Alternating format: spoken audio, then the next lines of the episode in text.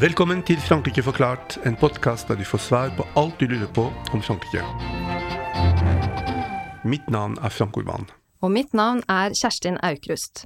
I dagens Frankrike forklart skal vi snakke om den franske eliten. Hvem utgjør den franske eliten, hvilken rolle har den i det franske samfunnet, og er dens plass i dette samfunnet i ferd med å endres? Med oss for å snakke om dette har vi Marte Mangseth. Velkommen. Tusen takk.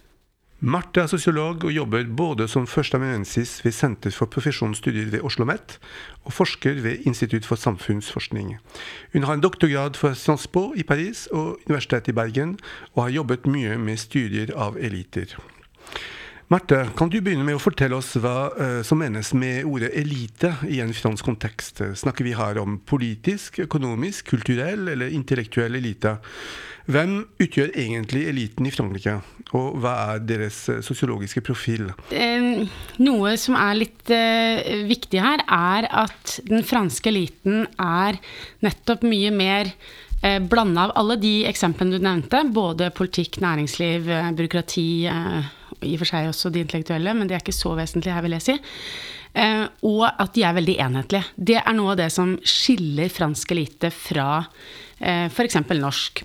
At det er liksom veldig tett samkvem mellom de ulike sektorene eller de ulike samfunnslagene. Så derfor så gir det mer mening å snakke om eliten i entall i Frankrike enn eh, en del andre land, hvor det er, som i Norge, hvor det er mer nærliggende å snakke om ulike eliter. Og det har veldig mye å si for hvor mye makt man har. For jo tettere sammenbundet elitene i næringslivet, politikken og byråkratiet er, jo mer kan de eh, liksom koordinere sin handling og forsvare felles interesser. Da. Eh, sånn at, og Istedenfor at de på en måte kontrollerer hverandre. Eh, og dermed så, Det er nok noe av det som bidrar til å gjøre dem spesielt mektige, og at vi kjenner til dem som mektige. Det som er veldig viktig, er at elite har jo ikke den samme negative eh, konnotasjonen eller assosiasjonen i fransk samfunnsliv som i Norge. Fordi at det i så stor grad er knyttet til det å være en meritokratisk elite, eller noe man har fortjent. At hele skolesystemet er bygget om om å skulle lage eliter. Og det er helt greit å ha eliter, så lenge det er basert på eh, prestasjoner, evner, karakterer osv. Så, videre. så i, i utgangspunktet så er liksom tanken at alle de som sitter i disse maktposisjonene, sitter der fordi de er de beste. Og i Norge har vi jo mye mer en sånn idé om at det er litt problematisk uansett. Altså, selv om de er flinkere, så skal vi ikke ha så stor forskjell på de topposisjonene og andre mennesker. Men i utgangspunktet i Frankrike så tenker man at en meritokratisk elite, en elite som har kommet dit pga. sine evner og prestasjoner, hvor alle har hatt liksom mulighet til å komme inn, det er helt i orden, fordi vi vil jo ha de beste til å styre landet vårt. Og så har du jo selvfølgelig masse problemer. Ja, men fungerer egentlig systemet sånn? Har alle mulighet til å komme inn i disse eliteposisjonene? Er det de beste som sitter der, eller er det liksom mye snusk som gjør at noen samfunnslag i større grad enn andre havner i de posisjonene? Og dette er en evig diskusjon i fransk eh, samfunnsliv. Hva er ditt svar på det spørsmålet? Fungerer det slik, eller er det Fordi mitt inntrykk er at uh, den franske eliten, som sikkert de fleste lands eliter, reproduserer seg selv, sånn at det egentlig er veldig lite klassemobilitet. Det er helt uh, klart sånn, ja. Og dette er liksom noe som er veldig kjent i utdanningsforskningen, i politisk forskning osv., at det er noen samfunnslag som lykkes i dette skolesystemet, og som dermed havner i de posisjonene. I tillegg til at det er jo ikke bare prestasjoner som styrer, men det er også mye sånn kjennskap og vennskap, og har du boligadresse i de riktige områdene, og en masse sånne ting. Så jeg har jo forsket på de som går på den franske nasjonale administrasjonsskolen, som er de som utdanner veldig mange av presidenten og statsministeren og toppene både i næringsliv og, og byråkrati. Og de er jo selv fullt klar over at de er en en veldig sosialt homogen gruppe. De kommer fra akkurat de samme miljøene alle sammen. Eh, men de sier dette er den eneste måten å å velge ut folk på en rettferdig måte på, det er å ha den type skoleeksamener som vi har, og da blir det sånn. Men det er jo mange i Frankrike som syns at dette her ikke fungerer, og derfor har man jo hatt liksom debatter om det om og om igjen, ikke minst siden 70-tallet og fram til dag, da, om ikke man skal reformere dette skolesystemet og sånn. Men de er, de er veldig skeptiske til å gjøre det på noen annen måte. Jeg har sett um en undersøkelse der eh, man ber eh, befolkningen beskrive hvordan samfunnet, deres, eh, samfunnet, i deres land ser ut. Da. Og da var det påfallende mange i Frankrike, sammenlignet med f.eks. nordiske land, som mente at samfunnet så ut som en pyramide, ja. med en liten elite på toppen. Ja. og så veldig mange nederst. Og det mm. minner jo om egentlig hvordan Frankrike så ut i det gamle regimet, l'ancien regime, mm. med dette stendersamfunnet med de privilegerte på toppen og mm. le altså folket, nederst. Hvorfor er det sånn fort at det er inntrykket franskmenn har av samfunnet sitt? Vil du si at det stemmer? Ja, altså det vil jeg si i stor grad stemmer. Men det som er interessant, og som også mye av utdanningssosiologien og, og forskning på fransk politikk eh, og eliter har vist, er jo liksom hvordan i det øyeblikket man kom inn og fikk disse eliteskolene, opptaksprøvene og forsøkte å demokratisere samfunnet, så har man merkelig nok klart å lage et system hvor akkurat den samme elitestrukturen finnes, akkurat det samme pyramide Eh, formen på samfunnet finnes. Og akkurat de samme samfunnslag fortsetter å være på toppen, bare at nå har de en eh, forklaring på hvorfor de er der, som er legitim. Nå er det ikke bare kjennskap og vennskap eller fordi det liksom er en gudegitt gave at de skal være på topp. Nå er det fordi at de var flinkest på skolen. Det er kanskje feil å, spørre om hvor stor eh, eliten i Frankrike er, men kan du si noe om Eh, denne toppen av pyramiden, da. Ja.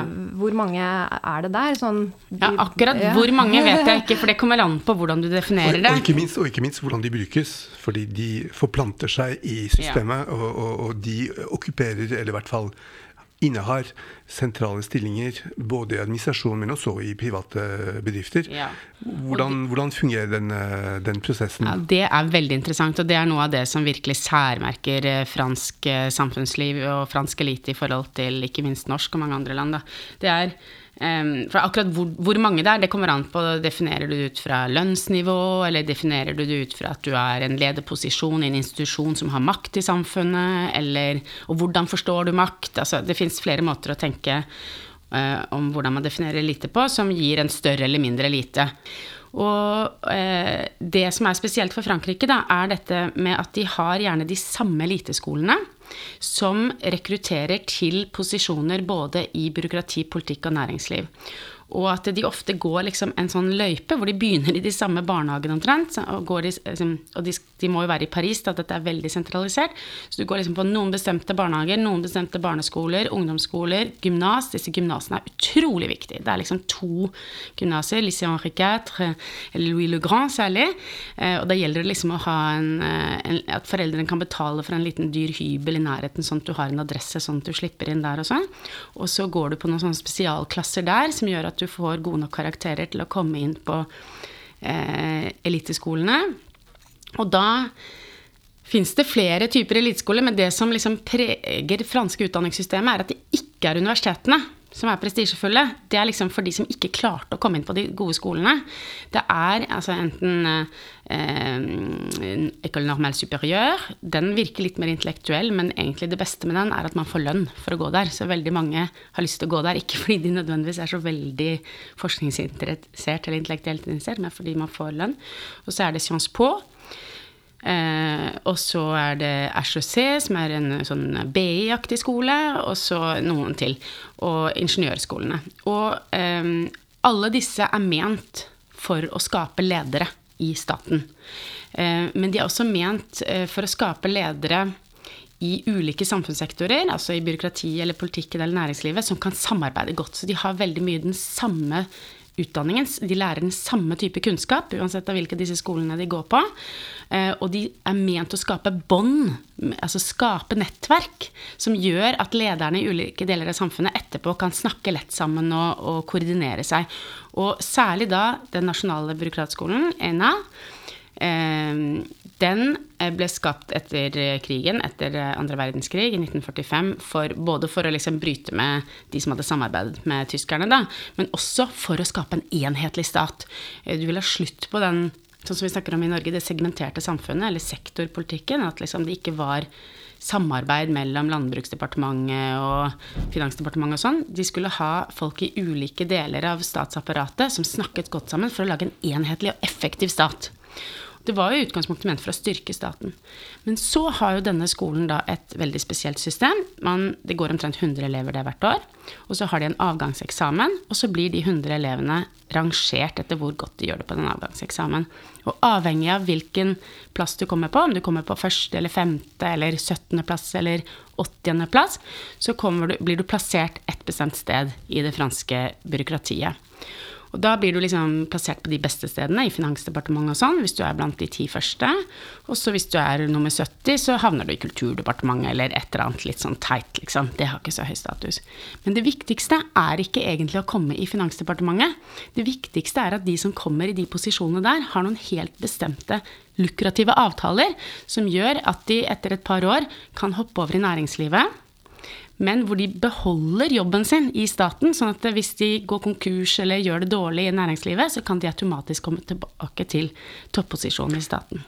Kan jeg, kan jeg komme tilbake til en ting, for jeg syns det er litt viktig for et norsk publikum å belyse det.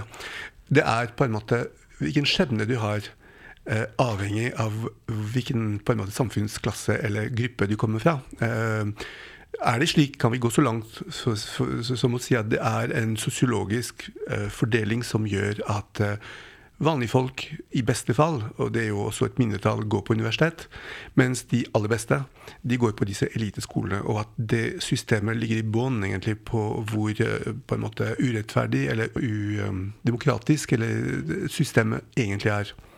Ja, eh, dette utdanningssystemet har veldig store konsekvenser for hvor hierarkisk det franske samfunnet er, og det at det er så legitimt at det blir ansett som så greit, på en måte.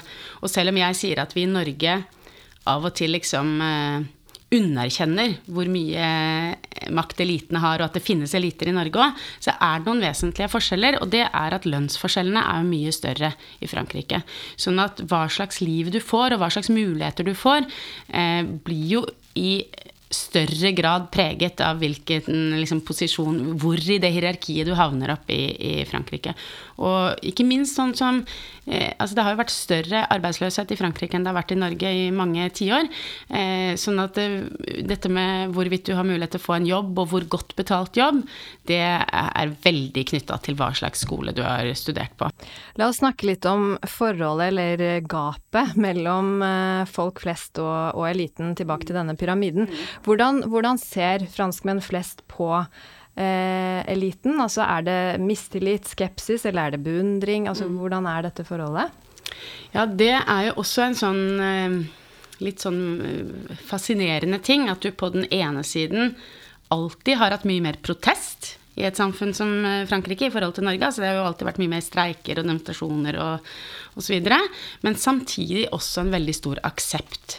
Og det er nok både knyttet til dette, denne ideen om meritokratiet, at de som når toppen, fortjener det. At liksom mange tror litt på det da, og syns at det skal være sånn.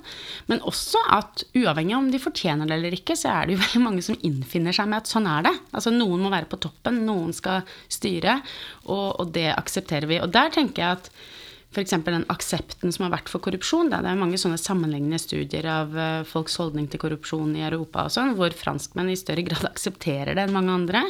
Uh, det har jo vært mange saker opp gjennom tidene, men der vil jeg mene at det er, har tradisjonelt vært en stor aksept for at altså, Og en resignasjon òg, da.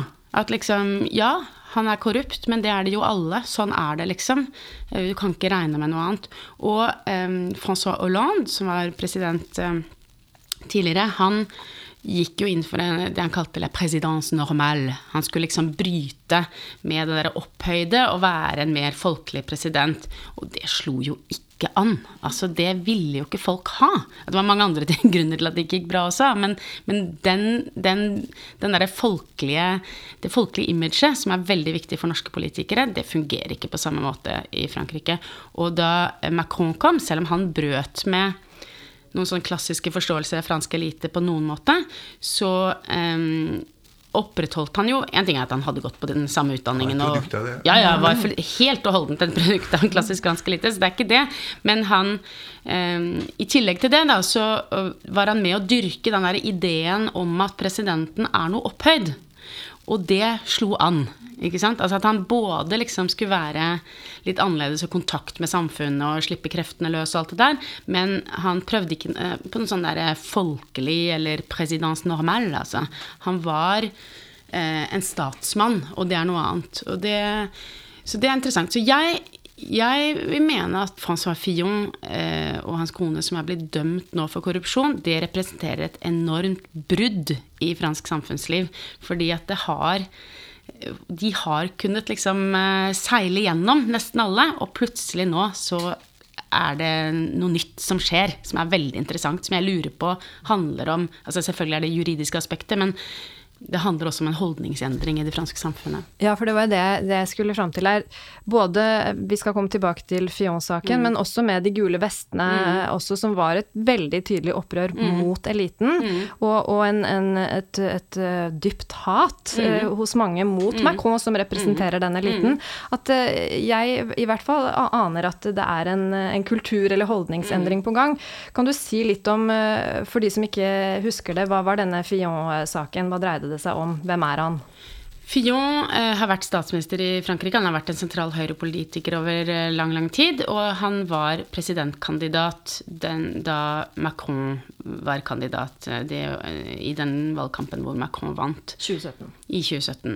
Fillon måtte trekke seg pga. korrupsjonsanklager da. Han trakk seg jo ikke, da. Nei, han trakk seg ikke, nei. Men det, han ble liksom delegitimert, og det var liksom ikke mulig å ja, Partiet selv bidro jo til å delegitimere han også.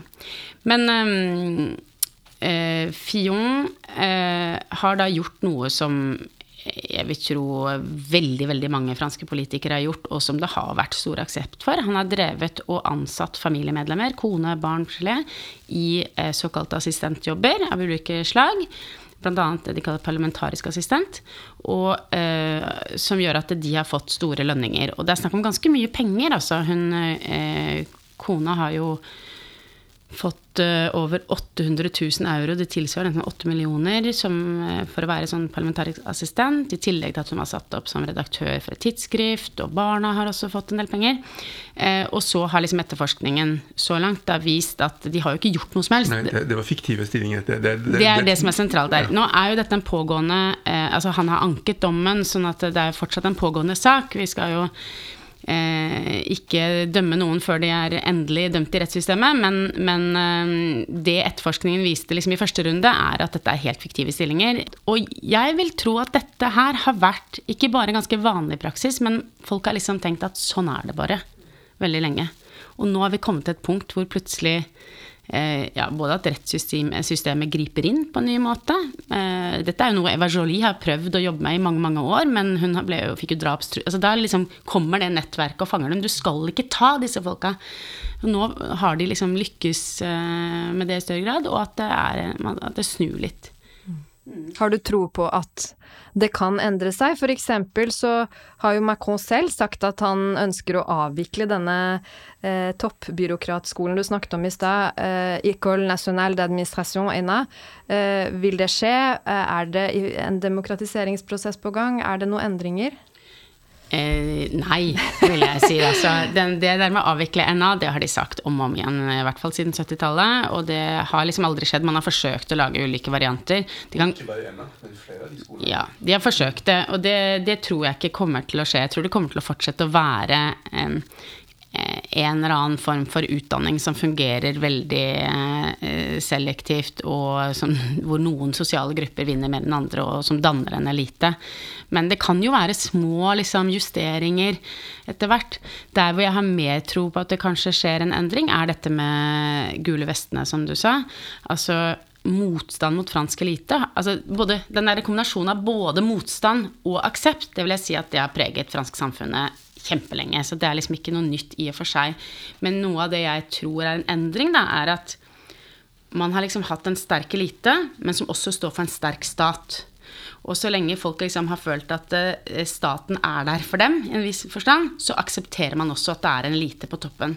Men eh, over, det er jo ikke bare under Macrons periode, det er jo noe som har skjedd over tid, men du har en slags nedbygging av franske staten som handler med, om dette med at liksom, jernbanen ikke tjener små steder, at sykehusene legges ned, eh, at det er vanskelig å komme til legen. Altså det er mange av de der klassiske statlige tilbudene som svekkes rundt omkring i det ganske land. Da er det ikke lenger noen grunn til å akseptere at den eliten er der og har alle de privilegiene, hvis de ikke eh, tar vare på hele landet. Hvis de bare er opptatt av Paris. Så der tror jeg det er en reell endring på gang. I USA så har man snakket om the deep state, hvor presidenten har vært veldig kritisk til sin egen administrasjon, som motarbeidet ham. Uh, og, og, forholdet mellom franske presidenter og, og, den, og, eliten har jo ikke alltid vært uh, veldig enkel, uh, enkelt. Det har vært perioder hvor det har vært spenninger mellom presidenter og administrasjonen. Vi får et presidentvalg om ikke så lenge. og litt avhengig av utfallet av valget, så kunne vi komme i en situasjon hvor det deep state, hvor administrasjonen eller representantene for den eliten setter seg imot presidenten som blir valgt, hvis fargen på den presidenten ikke passer dem. Uh, I hvilken grad kan vi sammenligne situasjonen i Frankrike og i USA når det gjelder på en måte elitens selvstendige uh, uh, mulighet eller evne til å prege den politiske agendaen? Altså, eh, Det er jo en kjempekontrast mellom USA og Frankrike i den forstand at i USA så har de jo liksom en president som bryter med alle tradisjoner for hvordan eh, liksom makteliten er, på en måte, og, og handler liksom etter eget hode. Mens i Frankrike har vi jo en president som er helt og holdent et resultat av den samme kulturen som administrasjonen også er en del av. Da. Sånn, at, eh, sånn sett så er det liksom mye mindre sannsynlig at administrasjonen skal prøve å eh, overstyre presidenten på noe vis, eller liksom Ja. Men eh, samtidig så er det jo liksom et tungt apparat, dette her, og hvor eh, også de folkelige protestene spiller inn. Da. Så man kan jo godt si at veldig mye av det Macron ville altså Nå har jo han egentlig vært en president som har fått til veldig mye etter sitt eget hode, på en måte, så det er ikke det. Men, men han har jo også måttet jenke seg og legge om en del av politikken sin. Um, både i møte med folkelig protest, men der vil jeg tro at liksom mange i administrasjonen kanskje er mer konservativ da enn han er, og ønsker å fortsette. Og kanskje også um, en del kan være mer sosialt orientert enn det, og sosialpolitisk orientert enn det han har vært. Du er sikker for deg en situasjon hvor presidenten, en nyvalgt president, la oss si f.eks. fra Nasjonal Samling, kunne komme i konflikt med, med en sentraladministrasjon som Jo, eh, det tror jeg. altså Hvis det ikke er Macron lenger, hvis, det, hvis vi får eh, Marine Le Pen, så vil det være store muligheter for det. Det tror jeg absolutt. Um, for hun er jo ikke del av den verden. Og det er jo noe av det, det som gir hennes popularitet også, da. Eh, på slutten av hver episode ber vi vår gjest om å komme med en fransk anbefaling. Hva er din anbefaling til våre lyttere, Marte? Jo, jeg vil gjerne anbefale en bok av en forfatter som i og for seg har fått mye oppmerksomhet i norske media eh, i det siste. Det er Annie Ernaux. Eh, siden vi snakker om eliter, så syns jeg hennes eh, litteratur om det franske klassesamfunnet er veldig interessant. Men jeg er bare litt lei meg for at i Norge så er det da denne siste boka 'Årene' og ja, litt andre bøker som har fått oppmerksomhet, mens det som jeg ser på som den viktigste boka hennes, 'La Place', den er også oversatt til norsk. Den heter Far på norsk, kom i 1985. Jeg tror den er utsolgt sånn du får den ikke i butikken, men du får den på biblioteket. Kort bok, 77 sider. Men den beskriver virkelig liksom liksom de kulturmotsetningene mellom ulike klasser i Frankrike på en ypperlig måte. En nydelig bok. Kjerstin, har du også en liten anbefaling? Ja, det har jeg. Elitetematikken fikk meg til å tenke på en fantastisk eh, franskspråklig film av Louis eh, Bunuel fra 1972 som heter Le charme discret de la bourgeoisie, borgerskapets diskré sjarm. Den vant Oscar for beste fremmedspråklig film i 1973, og er en utrolig morsom og absurd film som jeg anbefaler på det varmeste. Og referansene finner vi på Facebook-siden vår. Absolutt. Da gjenstår det bare å takke vår gjest Mert Mangseth. Så høres vi igjen i neste episode av Frankrike forklart. Au revoir. Denne podkasten er et samarbeid mellom Universitetet i Oslo og Høgskolen i Østfold. Abonner på Frankrike forklart på iTunes, Spotify eller på andre plattformer der du lytter til podkast. Har du kommentarer til oss eller forslag til temaer vi bør ta opp? kan du sende inn det via vår Facebook-side Frankrike forklart. Her vil du også finne informasjon om dagens episode.